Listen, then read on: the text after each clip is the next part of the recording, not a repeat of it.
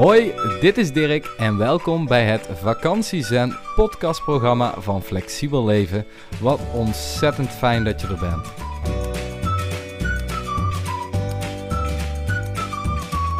In deze podcast sprak ik met Lian Mutsers. Lian werkt als psycholoog, heeft een eigen praktijk en we gaan het over het geweldige thema hebben: relaties. Ik ben ontzettend trots en enthousiast over deze podcast. We spreken over van alles, zoals onvoorwaardelijke liefde, aanpassen aan de ander, jezelf afkeuren, de angst voor afwijzing en nog veel meer thema's die met relaties te maken hebben. Dus mocht je het met Lian en mij eens zijn dat relaties soms best wel ingewikkeld kunnen zijn en ben je benieuwd hoe dit dan komt en hoe het ook anders kan, luister dan vooral deze podcast en ik wil je daar ontzettend veel plezier bij wensen.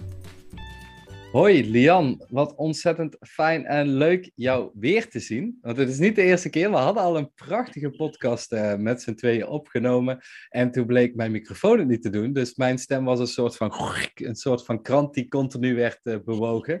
Maar we gaan uh, voor poging 2 en dat, dat gaat helemaal goed komen. Fijn dat je er bent. Yes, dankjewel. ja, en de vorige keer zat jij in Mexico City, maar ondertussen ben jij weer geland in het Nederlandse. Of in ieder geval um, letterlijk geland. Ben je ondertussen ook al figuurlijk geland?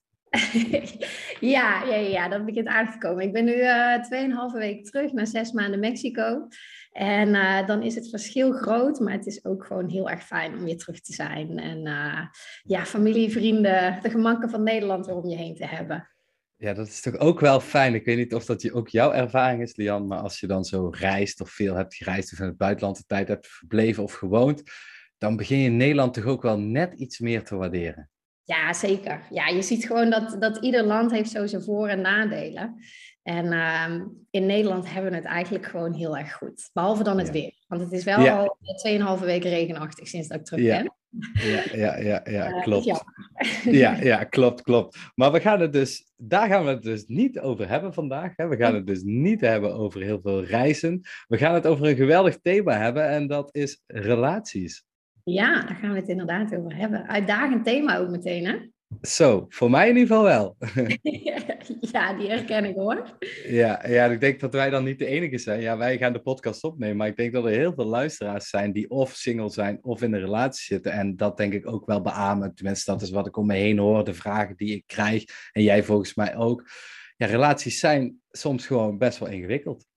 Ja, absoluut. We worden ontzettend uitgedaagd in relaties. Ja, ja, dan zeg je het al meteen goed. te worden uitgedaagd in relaties. Daar ga ik daar van alles uh, over vragen. Ik ga je nog heel kort even uh, aankondigen, Lian. Jij werkt yes. als, uh, als psycholoog en je hebt je eigen praktijk. En ik volg je al een tijdje ook op Instagram. En dat is ontzettend tof wat je doet. Dankjewel, leuk om te horen. Ja, en um, ik vind het leuk om um, met een medetherapeut te kunnen spreken. En toen dacht ik ook meteen, oh, dan moeten we niet te veel therapeutentaal gaan praten, want dan, uh, dat, die neiging, die heb ik in ieder geval. Ja, nee, daar moeten we even licht op zijn samen, inderdaad. Dat het begrijpelijk ja, blijft voor iedereen. Ja, ja, precies, maar dat komt wel goed. Um, ja, we hebben volgens mij zoveel met elkaar te bespreken. Zal ik gewoon meteen uh, een vraag stellen en dan gaan we gewoon meteen, uh, gaan we gewoon meteen de diepte in samen. Ja, kom maar op, ik ben, ik ben er klaar voor. Nou, daar komt hij aan, uh. Waarom kunnen en zijn vaak relaties zo ingewikkeld? Oeh, dat is ook wel meteen, uh, je zet de toon meteen lekker uh, zo direct. Ja. Um, want um, dat is geen heel erg eenduidig antwoord. Kijk, de reden dat, dat dit zo'n thema is en dat we allemaal een relatie willen en, en liefde willen krijgen, is omdat wij in de basis een heel mechanisme daaromheen in ons meedragen.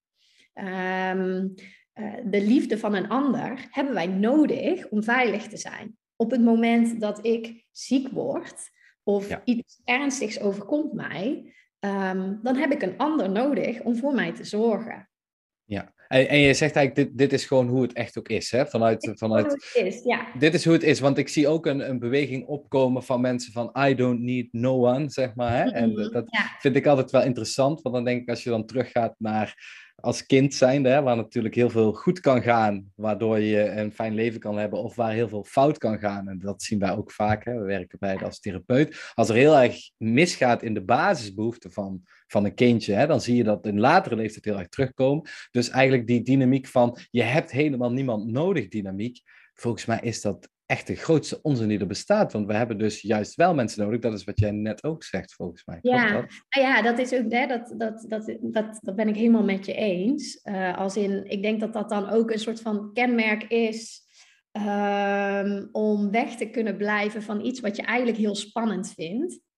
Hè, om, uh, om maar een reden te hebben om die relatie dus niet aan te gaan, want we moeten het allemaal zelf kunnen.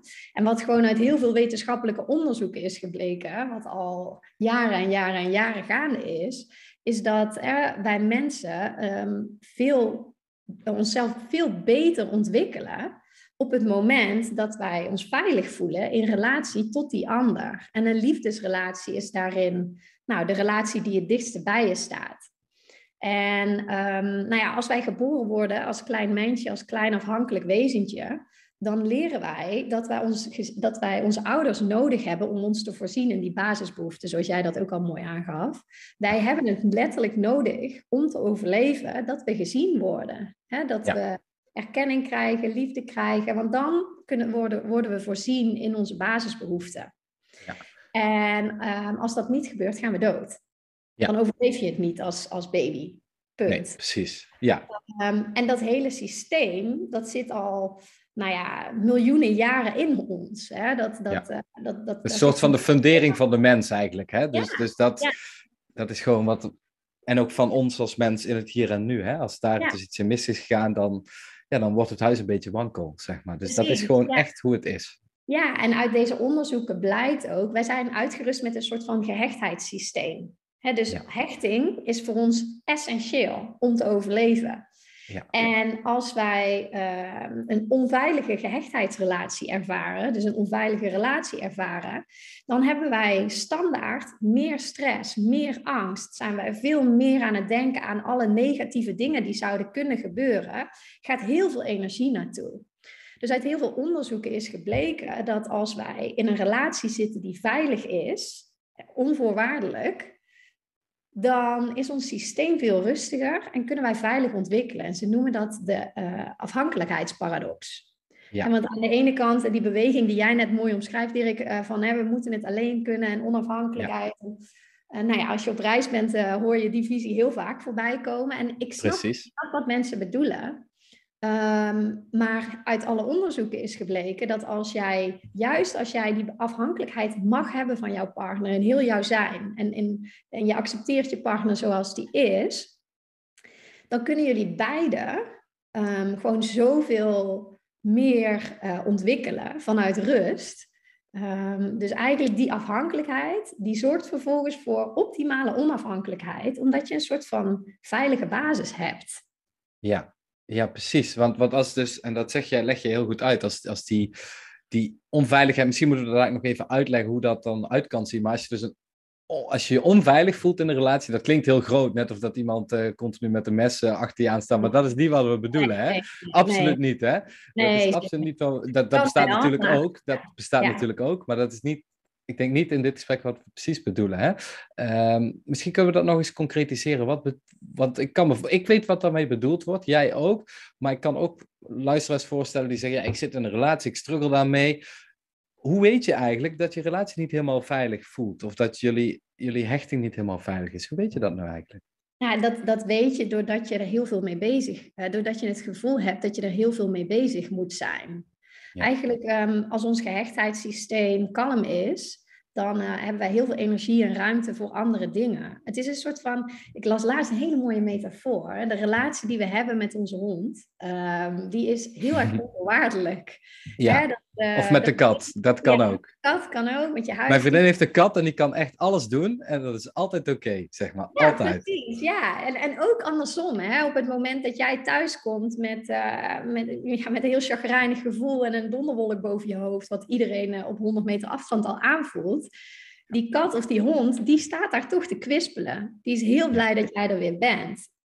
En ehm, ja, dat is, dat is een bepaalde veiligheid. En dan komen we weer op dat woord voorwaardelijkheid en onvoorwaardelijkheid. Als jij voelt van, hé, hey, ehm, het maakt niet uit hoe ik er vandaag uitzie. Het maakt niet uit hoe ik me vandaag uh, voel. Er wordt van mij gehouden. Het maakt niet uit of ik deze baan wel binnenhaal of niet. Of dat ik wel meega vanavond op stap of niet. Er wordt onvoorwaardelijk van mij gehouden. Ja. ja. dan heb je die veiligheid en dan ben jij niet bezig met, met je relatie. Ja, dus eigenlijk zeg je daarmee, eh, je, je, je relatie tussen haakjes die je dan hebt met je huisdier, bijvoorbeeld je kat of een hond, dat is eigenlijk een perfect voorbeeld van onvoorwaardelijke liefde en van een veilige hechting. Hè? Hoe, wat je hond ook doet, ja, je kan soms een klein beetje frustratie voelen, maar eigenlijk is er altijd liefde en is het altijd oké. Ook met je kat, ik herken dat heel erg. Uh, met de kat die mijn vriendin heeft en hoe dat tussen hun tweeën werkt, zeg maar. Ook al maakt ze ons wakker om vier uur s'nachts, toch is dat, natuurlijk is, is ze daar niet heel blij mee, maar toch is dat dan oké, hè? Ja, ehm, dus dat, is een perfect voorbeeld. En wat vaak, en dat zullen denk ik veel luisteraars ook wel herkennen, als, je dan, als we dan kijken naar de menselijke relatie, dan word je dus verliefd op iemand. En dan aan het begin is het vaak allemaal goed, en dan is er altijd een moment dat je voelt van, waarom, waarom krijg ik nu minder aandacht, zeg maar? Of waarom, hey, hey, hey, wat gebeurt hier nu? Waarom, als ik in één keer op de bank lig en ik ben gewoon een beetje lui, begint mijn vriendin daarover te mokken, zeg maar. Hey, waarom mm. is dat niet oké, zeg maar? Of het andersom, hè? Dus mensen kunnen zich dan toch een beetje angstig gaan voelen in een relatie, hè? Van, hey, ben ik dan wel oké? Of vindt ze me nog wel leuk genoeg? Of juist de andere kant, hè? dat je dan heel erg gaat ergeren aan iemand en denkt van, poeh, het was eigenlijk ook wel weer fijn als ik vrijgezel was, want dan had ik in ieder geval niet die, eh, die bank liggen hier, zeg maar. Er zijn eigenlijk volgens mij twee smaken, toch, waar je dan in kan schieten? Ja, ja dat, dat omschrijf je heel mooi. En ik, ik ben heel blij dat je dit doet, want wij hebben het dan over onvoorwaardelijke liefde. En dat klinkt eigenlijk als een soort van utopie, hè? bijna als een sprookje. Van ja, hallo, maar als mijn vriendin heel de dag op de bank ligt te hangen, uh, dan is mijn liefde echt niet onvoorwaardelijk.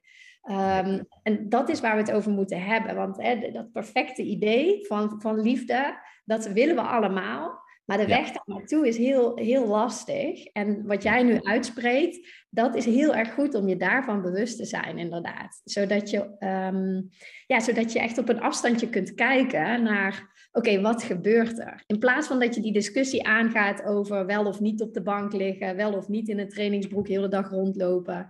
Um, is het veel interessanter om samen te gaan uh, onderzoeken naar, oké, maar um, uh, wat raakt dit in mij? Hè? Wat, wat gebeurt er in mij waardoor ik dit um, een thema vind? Ja. Ja, ja, ja, ja, ik was even aan het hoesten, dus ik zette even de, de microfoon uit. Je zag het net.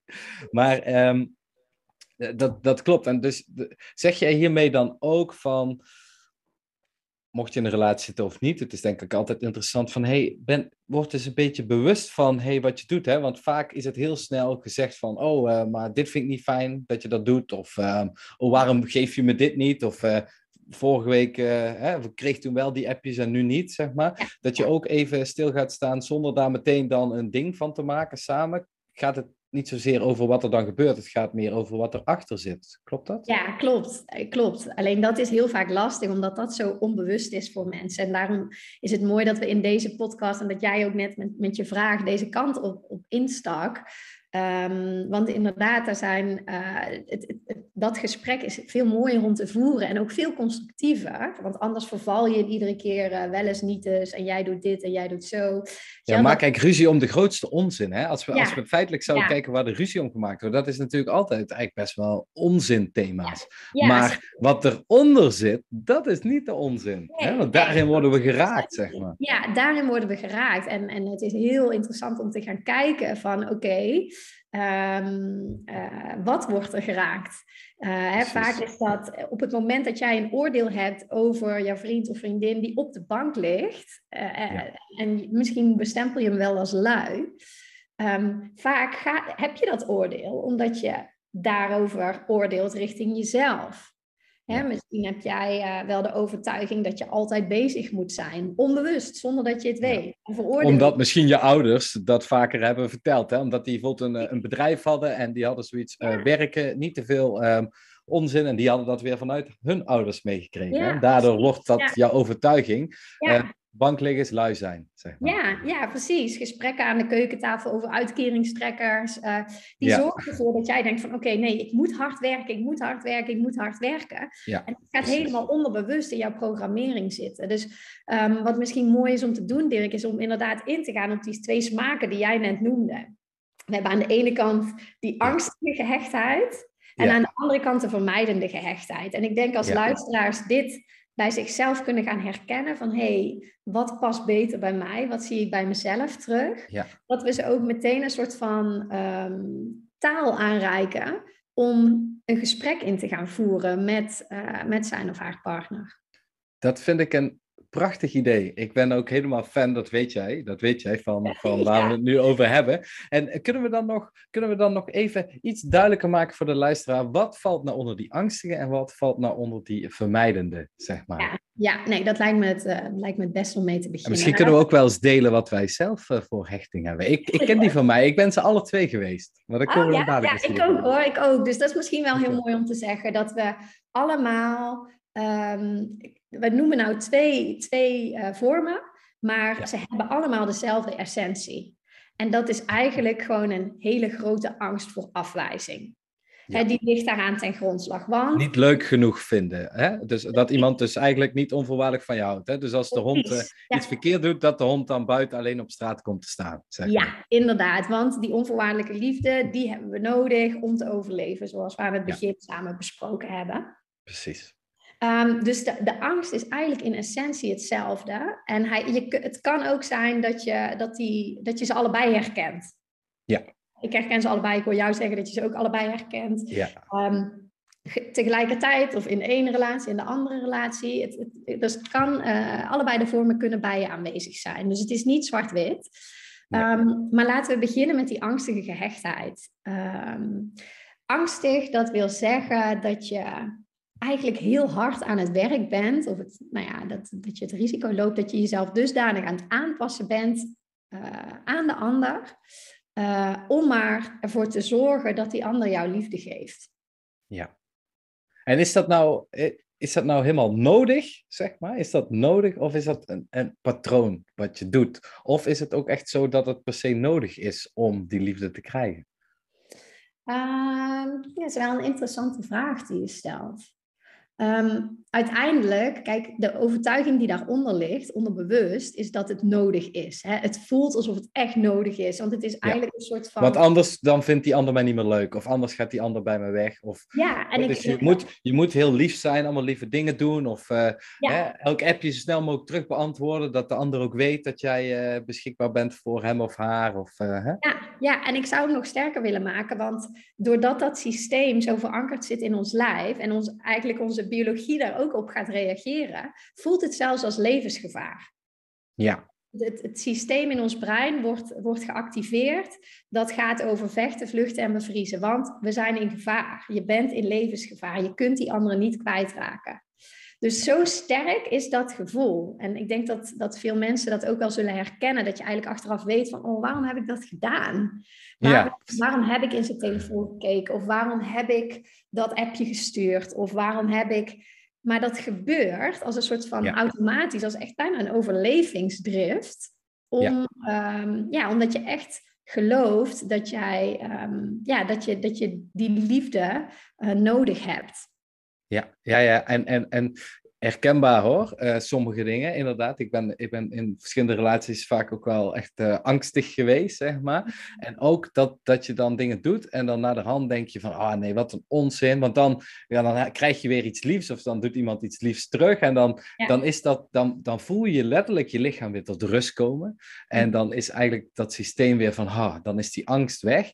Ja. En dan denk je, nu, nu, nu ben ik weer, hè, nu, nu, nu komt dat niet meer terug. Maar er hoeft maar weer iets kleins te gebeuren. En meteen is dat systeem, dat angstige systeem, weer actief. Ja. Hè? En ik denk dat luisteraars die dit systeem kennen, of nu ook in zo'n relatie zitten waar ze toch wel dat angstige, die zullen dat ook direct herkennen. Die zullen direct denken van, oh ja. En dan heb je natuurlijk ook nog dat andere systeem. Hè? Hoe kunnen we dat goed uh, uitleggen? Ja, dat, uh, dat andere systeem, dat noemen we dan de vermijdende gehechtheid. En dat is juist ehm, ja, het programma wat jou op afstand probeert te houden. Van, oh nee, ik, ik, neem, ik neem hem nog maar niet mee naar familie. Of nee, vrienden komt te dichtbij. Of als die ander, want je ziet dan ook vaak dat dat heel erg samengaat. Hè? De angstende en de vermijdende gehechtheid, die trekken elkaar aan. Dus als de ene vanuit de angst... Helemaal leuk natuurlijk. Ja, het wordt helemaal gezellig. Uh, als een vanuit die angstige gehechtheid dan aan, uh, aan je gaat trekken, dan ga jij juist weg. Ja. Uh, dus zo ontstaat een beetje dat, dat kat-en-muisspel. En ben jij eigenlijk continu degene die juist de boel op afstand wil houden. En die ook um, nou ja, bepaalde rituelen die je partner dan misschien in wil bouwen, die hou jij liever op af, die, die hou jij nog liever even weg. En het moet allemaal niet te dichtbij komen. En als het dan wel dichtbij komt, ja, dan maak jij een tegenovergestelde beweging. Dat is de ja. vanuit de vermijdende gehechtheid. Ja, en die vind ik altijd ook mega interessant, want dan denk ik altijd, waar komt dat nou vandaan? Nou weet ik daar ook wel een beetje het antwoord op, maar ik denk voor de luisteraar ook mega interessant van, ja, als je vanuit het angstige perspectief kijkt, dan denk je, ja, maar hé, hey, waarom ben ik dan niet leuk genoeg? Of uh, hè, je wilt toch graag, jij was degene die een relatie met mij wou, zeg maar. en, en, want dat zie je vaak, hè? jij was degene die, die zegt, we zijn vriendje en vriendinnetje. En nu, nu, nu heb ik dan, want ik ben, hè, bijvoorbeeld vanuit die angstige, ik ben wat angstig, want ik ben al twee keer teleurgesteld. Nu, nu open ik me eigenlijk en nu is het dan echt, uh, echt een, een relatie. En dan verwacht ik wat meer van je en dan in één keer ben je elke keer weg als het er als het er echt toe doet, zeg maar. En dan ga je dus ook denken dat je dan dus niet leuk genoeg bent of dat de ander je niet leuk genoeg vindt. Maar is dat eigenlijk wel zo? Of is dat iets anders wat daarin meespeelt? Nou ja, uiteindelijk onderaan de streep gebeurt bij alle twee de hechtingsstijlen hetzelfde. Want de angstige persoon, die laat zijn werkelijke ik niet volledig zien aan de ander. Die hoeft zichzelf niet volledig te geven, want die is heel erg aan het aanpassen. En de vermijdende persoon, die is zichzelf ook niet volledig aan het geven aan de ander. En wat is daar dan nou eigenlijk het voordeel van? Want als wij het er zo over zouden hebben, eh, of nou ja, als je ons erover hoort praten, dan denk je echt, wat is hier in hemelsnaam het voordeel van waarom doen we dit?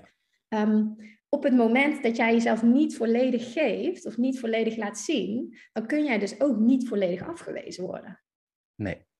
Want is dat ook de angst van de, van de vermijdende, zeg maar? Ja, ook natuurlijk, hè? die is eigenlijk ook bang om verlaten te worden. Terwijl dat wel vaak de verlaters zijn, hè? Of degene die besluiten om weg te gaan. Ja, eh, want angstige gehechte mensen zullen niet zo snel weggaan, omdat ze in die angst vastzitten.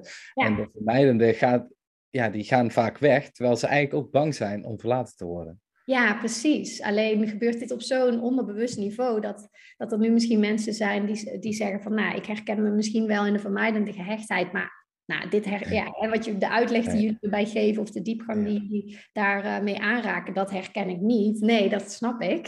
Um, ja. Je bent jezelf daar niet van bewust. En daar, daar, zit, daar, daar komen we dus bij een bepaalde voorwaardelijkheid die je hebt in de liefde ook naar jezelf.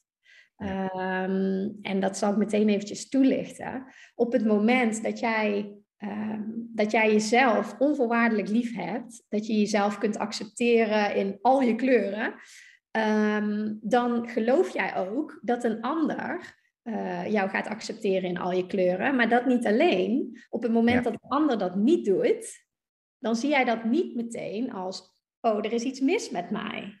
Ja, omdat je het zelf hebt, zeg maar. Dus zeg je daarmee van, ja, dit is misschien een heel raar voorbeeld, maar je, je, bent, je bent helemaal happy met tien appels, zeg maar. Je mand zit vol mhm. met tien appels. En iemand die heeft er dan af en toe acht of zeven en af en toe krijg je het wat minder. Maar dat maakt allemaal niet uit, want je hebt gewoon je mandje vol met appels, zeg maar. Is ja. dat ja, nou ja, dat bizar, bizar, maar voorbeeld, maar ik weet ook niet waarom je ja, je maakt het wel heel erg praktisch. En als dit, ja, je maakt het heel erg praktisch. En ik, ja, je mag het wel zien. Je, ja, maar het is wel een beetje zo, toch? Hè? Ja, ja, het, het is. Ehm, en, en dat is ook precies wat relaties lastig maakt. Hè? Op het moment dat jij de ander aan het veroordelen bent, hè? die vermijdende, die, die vermijdende mensen, die zullen zich ook wel heel erg herkennen in het stukje van ja, dan zie ik één negatief ding aan iemand. En dan ga ik in één keer heel veel negatieve dingen zien. En dan kan ik geen positieve dingen meer zien. Ja. Nou, dat ene negatieve ding. Dat en dan ga je een beetje, de relatie ook wel een beetje manipuleren. Hè? Ik herken het ook wel uit, uit mijn eerste relatie. Toen zat ik heel erg in de vermijder, zeg maar. Later vooral veel in de angstige. En toen dacht ik, oh, was ik nog maar een beetje die vermijder, want dan had ik niet zoveel uh, stress. maar, maar, zo werkt dat helaas niet. Uh, maar dat is ook niet goed. Maar, maar, maar inderdaad, hè, dan ga je toch een beetje, ja, saboteren um, in je hoofd, zeg maar. Hè? Zo van, um, ja, ja maar, maar, die eigenschap en uh, ja, maar over een jaar ben ik misschien toch wel weer vrijgezel. Of, uh, ja, ja, ja, ja. je, hè, je gaat gewoon weer een excuus om niet die verbinding aan te hoeven gaan met de ander. Ja, want, in die want, want dat is eng, toch? Tenminste, als ja, ik dan terugging naar mezelf, ik had nul verbinding met mezelf. Ik had letterlijk nul verbinding met mezelf. Dus ja. het was gewoon kei eng om een verbinding aan te gaan met de ander. En dan is het dus ook makkelijker om een beetje in de oppervlakkigheid te blijven. Dat merk ik ook wel na die relatie. Heb ik ook nog een tijd daar lang. Toen was de relatie uit, maar toen ben ik nog lang ook te vermijden geweest. Had, was, ik, was ik in contact met, uh, ja, met, met mensen, met vrouwen. Maar ik mhm. was altijd in die vermijder. Want ja, uiteindelijk dat was dan ook een twee, bijna een waarheid, zeg maar. Maar later kwam ik er dus achter dat ik dus helemaal niet in verbinding stond met mezelf. Ja. Um, en elke keer als dan iemand in verbinding wou komen met mij, dan was dat eigenlijk eng en dan was ik weer gevlogen, zeg maar. Ja, ja. you can only meet each other as deep as you meet yourself.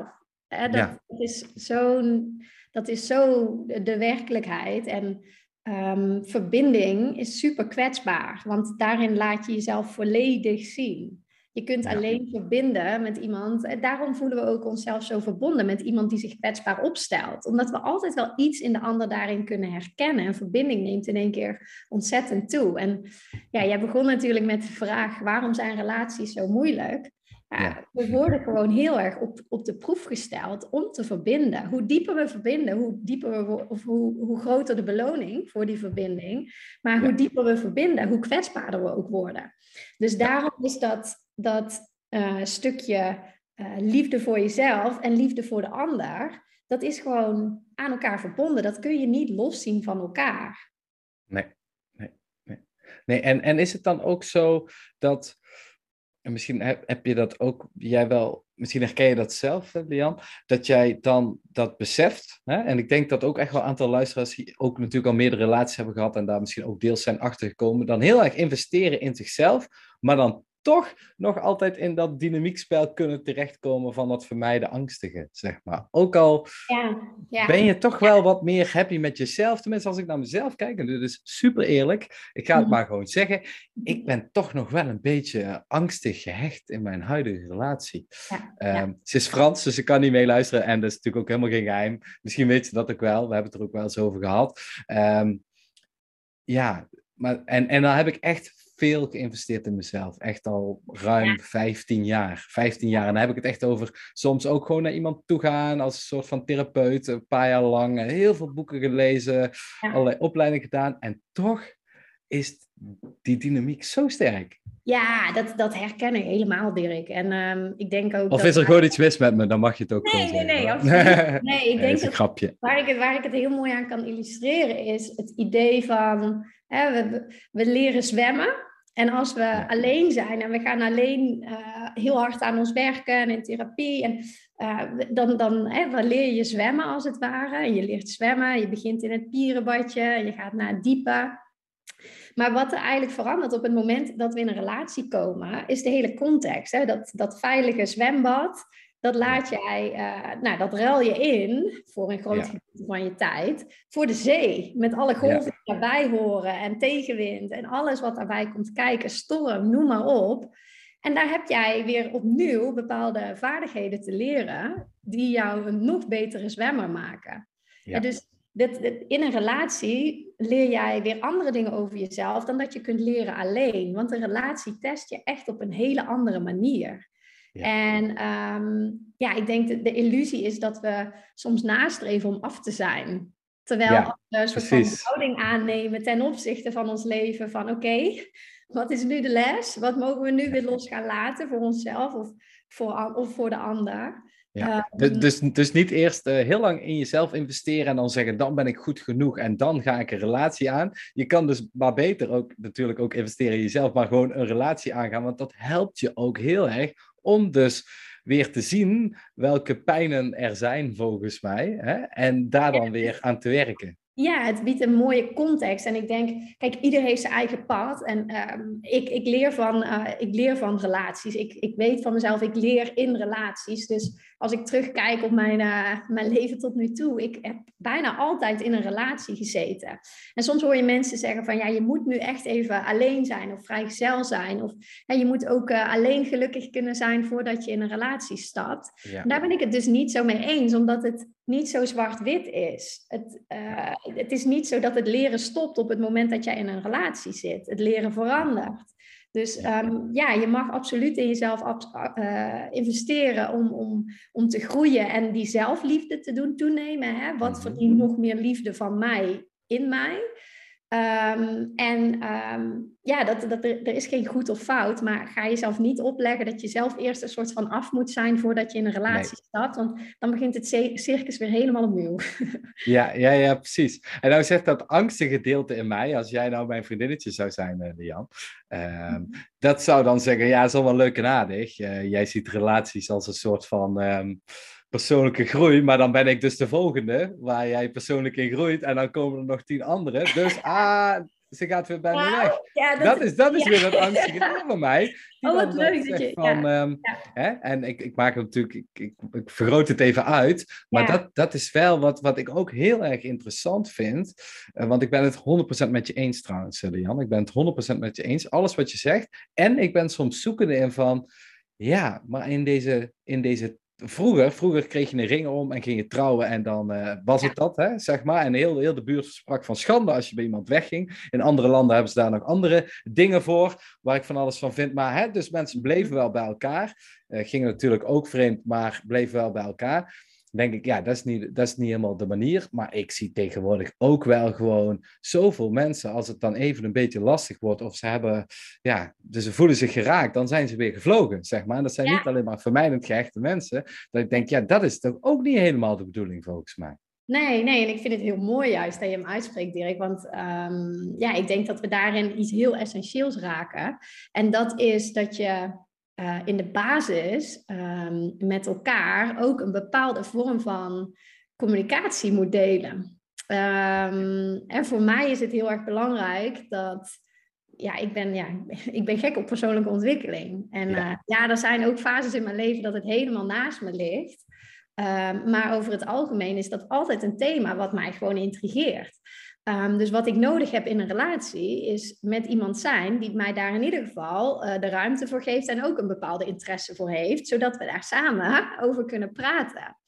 Um, en als je daarin die, die, die basis vindt in communicatie, in bepaalde interesses, in een bepaalde visie op het leven ook, want dat is het ook. Hè? Sommige mensen ja. Um, zijn helemaal oké okay met niet bezig zijn met persoonlijke ontwikkeling. En die, die mensen zijn niet ongelukkig. Die, nee, en dat is ook prima. Ja, dat is ook goed. Doe wat bij je past. Maar ik weet, in een relatie heb ik bepaalde um, omstandigheden nodig, bepaalde eigenschappen van die ander. En op basis daarvan selecteer je een partner. Want het is absoluut niet mijn wens om uh, nog heel veel partners uh, nee. uh, af te gaan. Uh, ik, uh, ik zit nu in een relatie waarin ik uh, heel erg gelukkig ben. Ook een, iemand, ook een man uit Frankrijk. Ja, dus, oh jee, oh jee. Weet je dat ja. wel zeker? Nee, dat is een grapje hoor. Franse mensen zijn, zijn heel interessant. Zijn heel interessant. Ja, heel zeker. Nee, ik ben hartstikke gelukkig. En, en ik stap niet in een relatie met het idee van... oké, okay, nou laat me maar zien wat ik kan leren van je... en dan door naar de volgende. Maar nee. er zijn dus bepaalde... Ja, er is een bepaalde basis nodig voor mij in die relatie... waaronder communicatie, interesse... maar ook een visie op het leven. En um, als je iedere keer... In mijn geval geldt gewoon echt dat als als ik en hij allebei bereid zijn om te ontwikkelen, te groeien en op die manier uh, het leven om ons heen te creëren, um, dan heb ik genoeg. Tenminste, ja. dat denk ik nu. Ja, ja, ja. We gaan over een paar jaar gewoon een nieuwe podcast opnemen. ja. Nee, maar, maar mooi, mooi bruggetje misschien. Want, want eigenlijk zeg jij hierin heel duidelijk: dit is belangrijk voor mij, zeg maar. En dit zijn mijn behoeften. En dat is ook een klein sprongetje terug. We hadden het net over die angstige en die vermijdend gehechte. Ik denk dat het heel belangrijk is dat je dus als je in een datingsproces zit of in een relatie, dat je dus gewoon steeds meer ook gaat leven van wat eigenlijk jouw behoeften zijn. Natuurlijk moet je ook altijd rekening houden met de ander. Hè? Ja. Maar, maar dus bijvoorbeeld, hè, jij zegt ook um, intellectuele gesprekken voeren, et cetera, et cetera. Nou, stel dat je single was en jij ziet een ontzettend leuke man en die vraagt jou mee op date en je denkt, oh, dat is de knapste man ooit die ik ooit heb gezien. Hoe kan die nou voor mij vallen? En die mhm. man kan alleen maar over voetbal en knakworstjes praten, zeg maar. en als jij dan zou denken van ja, maar die intellectuele gesprekken, ja, dat kan ik ook met vriendinnen hebben, dan maak ik een podcast met Dirk. En dat is niet helemaal niet erg, want je zegt dan tegen vriendinnen te zeggen, ja, maar hij is zo leuk en knap en hij is rijk. En uh, hè, dan, daar gaat het dan in mis, hè? Want, ja, precies dan kun je maar beter ook vooral veel intellectuele gesprekken gaan voeren. En dan is hij misschien wel gevlogen. En dat is prima, want dat scheelt je een hoop ellende later, zeg maar. dus, dus, hè, dus, dus weet, weet een beetje je hechtingsstijl, maar dat hoeft nog niet eens. Volgens mij is er al heel veel, want ik hou van praktisch, dat weet je, is er al heel veel problemen opgelost door gewoon meer jezelf te gaan zijn. Want we weten allemaal echt wel diep van binnen hoe we eigenlijk werkelijk zijn en willen zijn. En dat gewoon meer te gaan doen. En vooral aan het begin. Dus juist minder aanpassen aan het begin om maar leuk gevonden te worden, maar gewoon lekker jezelf zijn. Ja, ja en, en daarin behoeften, jouw behoeften. Wat zijn jouw behoeften? Je hoeft je niet aan te passen. Maar aan de andere kant, dit geldt ook voor die vermijdende, Dirk. Want een vermijdend persoon heeft vaak veel meer ruimte, tijd, tijd voor zichzelf nodig. En op het moment dat jij aangeeft van, ja, ik heb deze neiging, ik weet dat, um, maar op het moment dat ik in ieder geval zoveel uh, momenten in de week tijd met mezelf kan doorbrengen, dan kan ik jou ook de liefde blijven geven die jij verdient, die onvoorwaardelijke liefde. Um, dat dus is mooi wat je nu zegt. Dat is mooi. Dat is mooi, hè? Dus dat je, dat je eigenlijk, als je wat meer vermijdend bent, dat je eigenlijk kan zeggen van, hé, hey, ik vind jou ontzettend leuk en ik vind het leuk om die date aan te gaan, maar ik weet ook dit van mezelf en dat je dat gewoon al meteen een beetje deelt ook. Ja, inderdaad. Ik denk, ja, met deze inzichten, met, je, met kennis over jezelf, je behoeften, um, dat biedt een taal om in gesprek te gaan. Op basis hiervan kun je in gesprek. In plaats van dat je dus weer in dat patroon schiet en allerlei redenen gaat zoeken waarom die persoon niet bij jou past. Terwijl het kan al simpelweg opgelost worden door meer tijd voor jezelf te hebben als vermijdende persoon. Ah ja, dit is interessant. Hè? Dus dan zou je eigenlijk want, want dat is ook, denk ik, het aangeven. Hè? Dus voor mij een persoon die dan zegt van ik heb gewoon even een dagje voor mezelf nodig, is lastig. Maar wat je, wat, hè, dus vinden het vaak lastig om dat aan te geven. En wat er dan gebeurt, is dat ze eigenlijk in hun hoofd gaan manipuleren. Hè? Ja, maar hij is ook helemaal niet zo leuk. En uh, hij ligt alleen maar op de bank. Hij heeft alleen maar over voetbal en knakworstjes. En uh, ik wil, uh, ja, snap je? Hè? Dat, ja, dat is wat er gebeurt. Maar dat, dat en dan is... trek je een stap terug, zeg maar. Hè? Ja, dan... en dat is puur onderbewust. Je, je, je beseft het niet. Dus daarom is het zo belangrijk. Hè? We, we leren zoveel dingen op school, maar we leren niks over dit soort mechanismen. Terwijl dit uiteindelijk bij gaat dragen aan ons levensgeluk. Als we dit, hè, als we dit nou heel goed uitleggen, dat lukt dan niet in een uurtje. We hebben wel een, volgens mij een hele goede poging gedaan. Ik denk dat mensen het echt wel snappen. Maar om daar echt helemaal, moet je eigenlijk kids gewoon een, een, week gewoon goede relatieles geven en over dit spreken. Nou, dat scheelt toch een hoop ellende, zeg maar. Als iemand mij dit vroeger had verteld, nou, dat was toch wel fijn geweest. Ja, ja, ja, ja. Ik, zou het, ik zou het zelfs zo willen wegzetten dat het gewoon iets wekelijks wordt. Weet je wel, dat het gewoon een themales is. Want iedere keer, in, een, in iedere relatie word jij weer geconfronteerd met een ander stukje van jezelf. Ik merkte dat bijvoorbeeld toen ik aan het reizen was. Mensen kennen je niet. Um, dus hè, je kunt zelf ook dat hele beeld van wie ben ik eigenlijk, kun je eventjes gewoon helemaal achter je laten. En je kunt gewoon hier en nu gaan reageren vanuit wat zijn mijn behoeften, hoe wil ik hiermee omgaan. En um, ja, dan, dan, dan belicht ieder persoon weer een nieuw stukje in jou waarvan je dacht, oh ja, dit heb ik ook in me. Of, uh, oh, dit vind ik eigenlijk best wel leuk. En op die manier hè, leer je weer over jezelf. Dus als je iedere week kinderen meeneemt in, uh, nou ja, het is misschien wel heel een zwaar thema, maar op een spelende wijze manier uh, leren kijken naar wat doet iets met mij. Um, ja. ja. daar zit wel echt heel veel, heel veel kracht in. Ja, ik ben voorstander. En uh, we hebben het vandaag over mandjes met appels gehad. Dus ik, volgens mij kunnen zelfs kinderen dat, uh, dat ja, joh. Het kan zo simpel zijn als een mandje met appels. Ja, ja ik, vind het, ik vind het een geweldig, eh, een geweldig leuk gesprek. Wij kunnen nog eeuwen doorgaan. Maar als ik een poging doe om het goed samen te vatten, hebben we het eigenlijk gehad over onvoorwaardelijke liefde voor jezelf.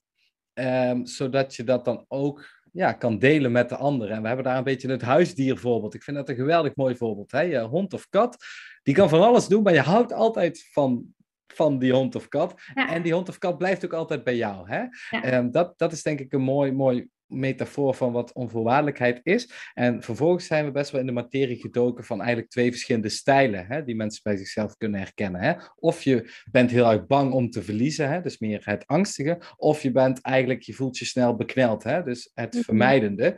Um, dat hebben we best wel uitgelegd, ook wel waar dat vandaan komt en nou, hoe, hoe dat eruit ziet. En toen zijn we volgens mij geëindigd, Lian, met dat het enorm helpt om dus meer um, daarvan bewust te zijn, daar ook wat onderzoek naar te doen.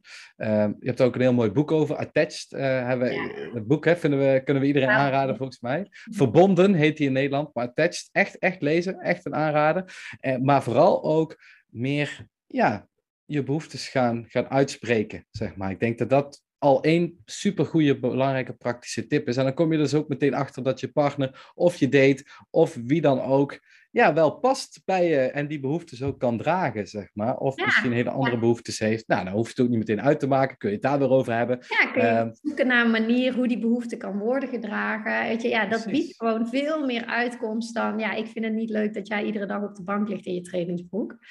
Uh, hè, dat, uh, dat zijn veel interessantere, constructievere gesprekken om te voeren met elkaar. Ja, mooi samengevat. Dus huppakee, minder Netflix en gewoon wat meer uh, af en toe even met elkaar kletsen. en ook niet te veel kletsen, dat heb ik ook al Nee, spontane moet er ook nog wel op zitten. Maar ik kan me voorstellen, als dit helemaal nieuw is voor je en je hoort al deze informatie, dat je denkt, ja, maar wacht even.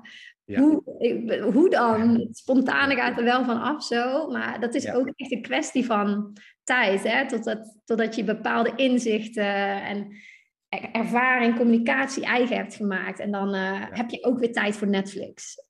Ja, ja, af en toe, af en toe. Soms dan, vooruit. Soms dan. Nee, maar dat, nee, natuurlijk, natuurlijk tijd voor Netflix. Helemaal mee eens, helemaal mee eens. Mm. Ja, ja. Ontzettend leuk. Ik, ik, ik vind het een, uh, een prachtige podcast en ik vind het geweldig om met jou te spreken. Um, onder andere over dit thema. Ja, dus, leuk. Uh, Ik wil je sowieso al boeken voor een volgende podcast. ik ben erbij. Oké, deal. Ik heb het opgenomen. Echt heel erg leuk. Uh, Jan, we gaan, ja, ik wil je bedanken en we gaan elkaar vast en zeker tegenkomen in het uh, Nederlandse, het reiswereldse of in het onlinese. Yes, superleuk. Jij bedankt. Ja, of in Frankrijk. Hè? Oh ja, Frankrijk, ja. Belangrijk. Ja, ja goed. Goed, over uh, twee jaar we elkaar weer. Dan gaan we kijken hoe, uh, hoe de vlag uh, erbij hangt. ja, leuk. Nee, maar ontzettend mooi. Ontzettend mooi. Veel waardevolle tips ook. dus ik denk dat mensen genoeg stof hebben om eens over na te denken. En als ze denken, ja, dit is echt interessant, ga Lian volgen um, op Insta. Um, je mag mij ook altijd volgen, vind ik ook altijd ontzettend leuk. Volg ons gewoon beide. En het boek Attached is echt een enorme aanrader. Ja, sluit me helemaal bij aan, Dirk. Dankjewel hey, dankjewel. Doei doei. Vond jij deze podcast leuk en interessant? Ga dan nu meteen naar flexibelleven.nl slash vakantiezen en ontdek alle andere inspirerende podcasts van dit programma.